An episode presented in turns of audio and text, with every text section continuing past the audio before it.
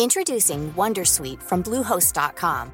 Website creation is hard, but now with Bluehost, you can answer a few simple questions about your business and get a unique WordPress website or store right away. From there, you can customize your design, colors, and content. And Bluehost automatically helps you get found in search engines like Google and Bing. From step-by-step guidance to suggested plugins, Bluehost makes WordPress wonderful for everyone. Go to bluehost.com/wondersuite.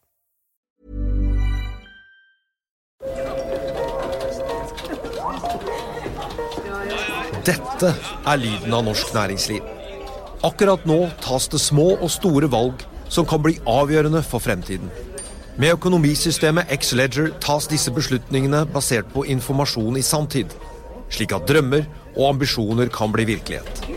Få kontroll og oversikt, gå inn på xledger.no. Denne sendingen er sponset av Xleger.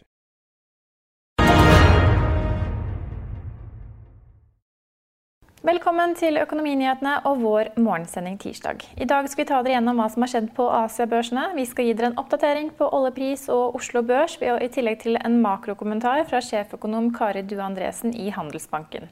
Dere skal også få de ferske koronatallene fra Norge, men først skal vi innom Wall Street. For det var en svært god dag på de amerikanske markedene mandag kveld.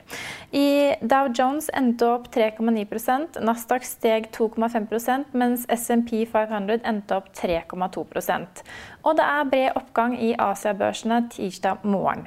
I Japan er Nikki 225 opp 1,9 mens den brede Topic steg 2 Hang Seng i Hongkong endte opp 1,8% mens CSI 300 i Kina steg 0,8% så skal vi høre at Facebook vil være det siste selskapet som lar ansatte komme tilbake fra hjemmekontor. Your team must be modeling this out. What is your operating assumption about how the economy comes back, when it comes back, and what it looks like, and how much worse it gets? So, we're not economists and we're obviously following really closely. So, we know what we're doing. We're trying to keep our employees safe. We were one of the first companies to go in. We've already said we're going to be one of the last companies to go back because we're going to make way for essential workers and healthline workers, keep it as safe as possible for them. As you said, Facebook has already told employees that they can expect to work from home through the end of the year. I'm curious how you're thinking about the return to work. Like, is it only going to be safe when there's a vaccine? And, and when this happens, how does the office actually look different? Well, we're going to follow health guidelines. And obviously, this is a situation that's changing as people learn more. Here's what we know we know we're trying to keep our essential workers, which is a very small percentage of our team, as safe as possible. That means keeping everyone else home. We know we're going to follow very conservative guidelines on what kind of space people need. And we also know that we're going to continue to learn Da skal vi over til Oslo Børs, og pilene peker opp på Oslo Børs i dag. Oljeprisen faller noe tilbake, til tross for at den er på et høyere nivå enn da vi hadde morgensendingen vår i går. Vi så at VTI-kontrakten for juni rullet av mandag, og vi nå er over på julikontrakten. Brentollen omsettes nå for mellom 34 og 35 dollar fatet. Norwegian falt i overkant av 22 i går og fortsetter ned i dag. Vi tar også med oss at Skagerrak Energi har solgt seg ut av Fjordkraft. De fikk 77 kroner per aksje, som er om lag 10 under aksjens sluttkurs mandag. Videre har Bergen Bio lagt frem tall for første kvartal. Det endte på minus 48,6 millioner kroner mot minus 44,3 millioner kroner i samme kvartal i fjor. Kid har også lagt frem tall. De fikk et resultat på minus 10 millioner kroner, til tross for at driftsinntektene steg til en halv milliard. SalMar leverte rekordtall på drift i første kvartal, men halverte bunnlinjen fra 712,3 millioner kroner i første kvartal 2019 til 303,7 millioner kroner i første kvartal i år. Vi har tidligere snakket om at det har vært rally på USA-børsene mandag og bred oppgang også Asia tirsdag morgen. Det virker som at aksjemarkedene tror vi straks er tilbake til normalen, men er det egentlig slik? Vi har snakket med sjeføkonom Kari Due Andresen i Handelsbanken. God morgen, sjeføkonom i Handelsbanken Kari Due Andresen. I går hadde vi en voldsom oppgang på de amerikanske børsene. og mange, Det virker som at mange tror at aksjemarkedet aksjemarkedet tror at uh, dette, denne koronakrisen vil gå fortere over og vi vil komme raskere tilbake til normalen enn man kanskje skulle tro. Deler du samme oppfatning? Ja, eh, vi har kanskje undret oss litt over det at eh, aksjemarkedet ser ut til å tenke at faren er over. Jeg får ikke helt utviklingen i aksjemarkedet til å henge på greip med de relativt dystre spådommene vi ser bl.a. Fra, fra IMF, eh, fra Norges Bank, fra, fra, oss selv i forhold til utvikling i makroøkonomi. Men, så det, jeg syns det ser ut som markedene kanskje priser inn en relativt smooth eh, bedring framover nå. Det vi har vært litt opptatt av, er at denne åpningen av samfunnet antagelig vil være preget litt av to skritt fram og ett tilbake. Mens jeg tror kanskje aksjemarkedet i større grad priser at det nå eh, bare gradvis blir eh, bedre og bedre framover. Hva er det som eh, peker mot at det ikke vil være like raskt tilbake til normalen? Nei, Det er jo bare det at det her aner vi ikke noe om. Dette her må vi betinge våre prognoser på et helsescenario som vi vet veldig lite om. Nå begynner vi å åpne samfunnet så smått. Det som er den store usikkerhetsfaktoren, er jo eh, om smitten vil blomstre opp igjen. Antagelig så vil den det, men hvor mye kan man holde kontroll på dette her? Og det vil være helt avgjørende for hvilke tiltak som må settes på plass, og dermed også eh, effektene på eh, realøkonomien. Ser du for deg at vi vil få store forskjeller mellom de ulike landene i denne gjenåpningsprosessen? Vi vet jo bl.a. at Norge og Danmark har hatt andre eh, regler enn f.eks. Sverige. Storbritannia er fortsatt eh, nesten helt i lockdown, selv om de så vidt har begynt å åpne opp, de òg. Eh, vil man få store økonomiske forskjeller mellom landene i en sånn gjenåpningsprosess? Det er ikke gitt. Kanskje noe. Men hvis man ser på Sverige, som har hatt eh, et åpent samfunn forholdsvis lenge, så får de også en ganske stor nedtur nå. og Det er fordi at folk Det er ikke bare det at man fysisk stenger, men folk er også bekymra for å bli smitta. Og det er veldig vanskelig å se langt fram i dette kriseforløpet. Og Sverige vil jo uansett være prisgitt at de fleste landene rundt seg har holdt eh, delvis stengt. Så det vi antar for Sverige er at de kommer til å få store effekter av krisa de også nå mens det står på. Men gevinsten for Sverige kan eventuelt komme senere, hvis de da i større grad er ferdig med nei, epidemien, siden mange har vært gjennom eh, en smitte, mens vi da fortsatt venter på en vaksine. Så jeg tror nok dette vil være ille for alle mens det står på, og så lenge folk er bekymra for egen helse og for eh, egne bedrifter eller økonomi. mens det, det, blir nok antagelig vesentlig bedre først når vi vet litt mer og folk får følelsen av at nå er kanskje faren mer over. Men reiseliv er jo en næring som har vært hardt rammet, eh, selvfølgelig i kjølvannet av korona. Og nå snakker jo eh, myndighet, norske myndigheter, også naboland og Europa, om å åpne opp grenser for turisme. Tror du at Norge kommer til å åpne grensene i sommer for turisme? Hvor viktig er det for reiselivsnæringen eventuelt?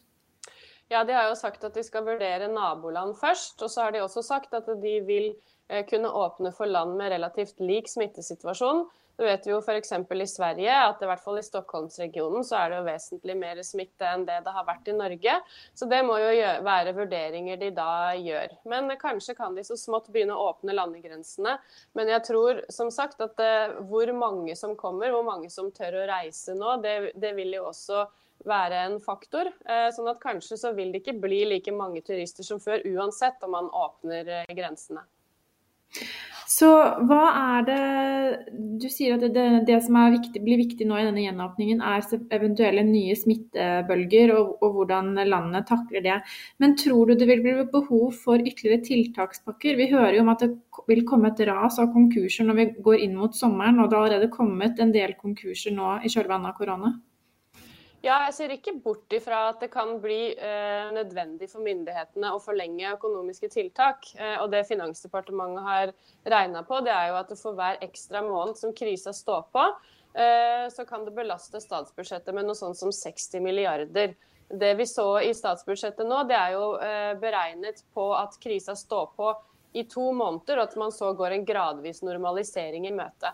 Men det er klart hvis vi får en smitteoppblomstring som man ikke har full kontroll på, og man må gjeninnføre en del eh, tiltak, så vil det kunne bli aktuelt med eh, å forlenge eksisterende tiltak, eller også komme med nye tiltak. Så det kan man ikke utelukke enda.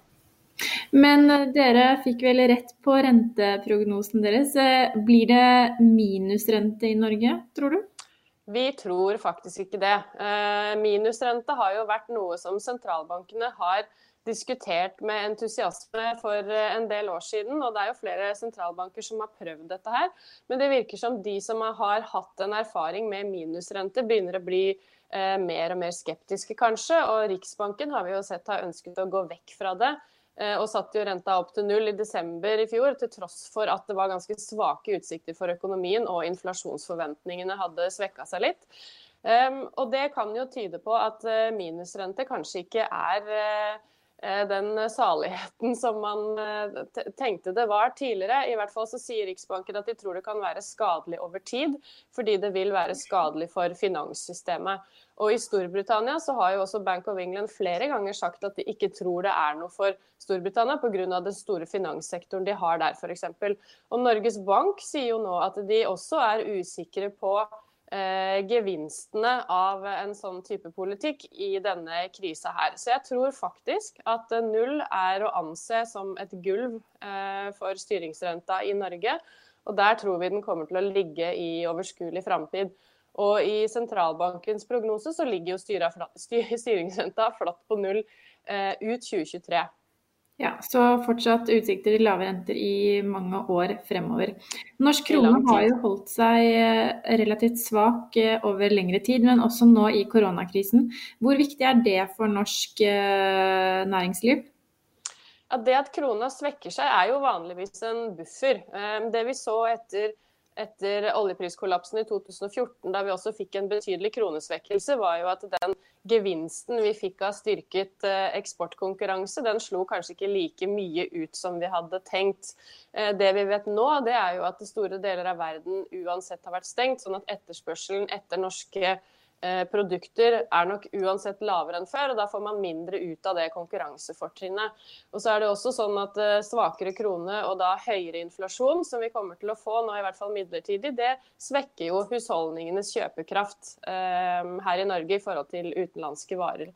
Så det er ikke bare et pluss, eh, men, men man tenker tradisjonelt på det som en buffer i forhold til norsk eksportsektor, men den er nok eh, mindre eh, enn det vi har sett tidligere nå. Så fortsatt litt usikre utsikter eh, og grunn til å ikke rope hurra helt enda, kanskje. Det er nok litt tidlig, og jeg tror at eh, for at økonomiene skal komme ordentlig på fot igjen, så må både husholdninger og bedrifter føle seg mer trygge på hva som skjer, og det er nok ganske langt igjen dit, vil jeg tro. Vi skal til en fersk koronaoppdatering for Norge. Akkurat nå er det 8260 som er testet og bekreftet smittet. Vi vet at 51 er innlagt på sykehus, og 233 er døde. Og I kjølvannet av korona har reiselivet blitt kraftig rammet, derav også flybransjen. Vi skal høre at CEO i United mener at selskapet ikke vil ta opp igjen flyprogrammet før etterspørselen er tilbake. So all the planes that you have, the 900 planes you're not using, where are they in the desert in Arizona, or where are you keeping those planes? They're in airports, uh, as all the industry. They're in airports everywhere around America.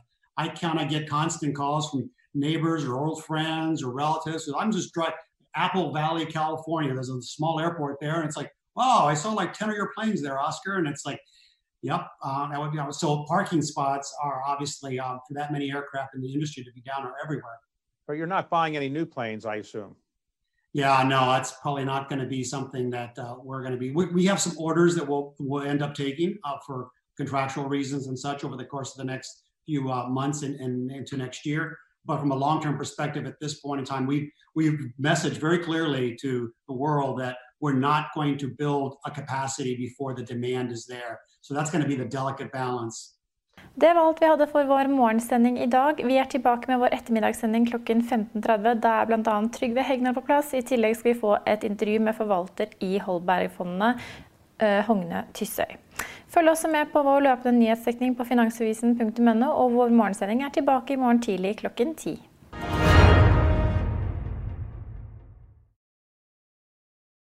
Denne sendingen er sponset av Xleger.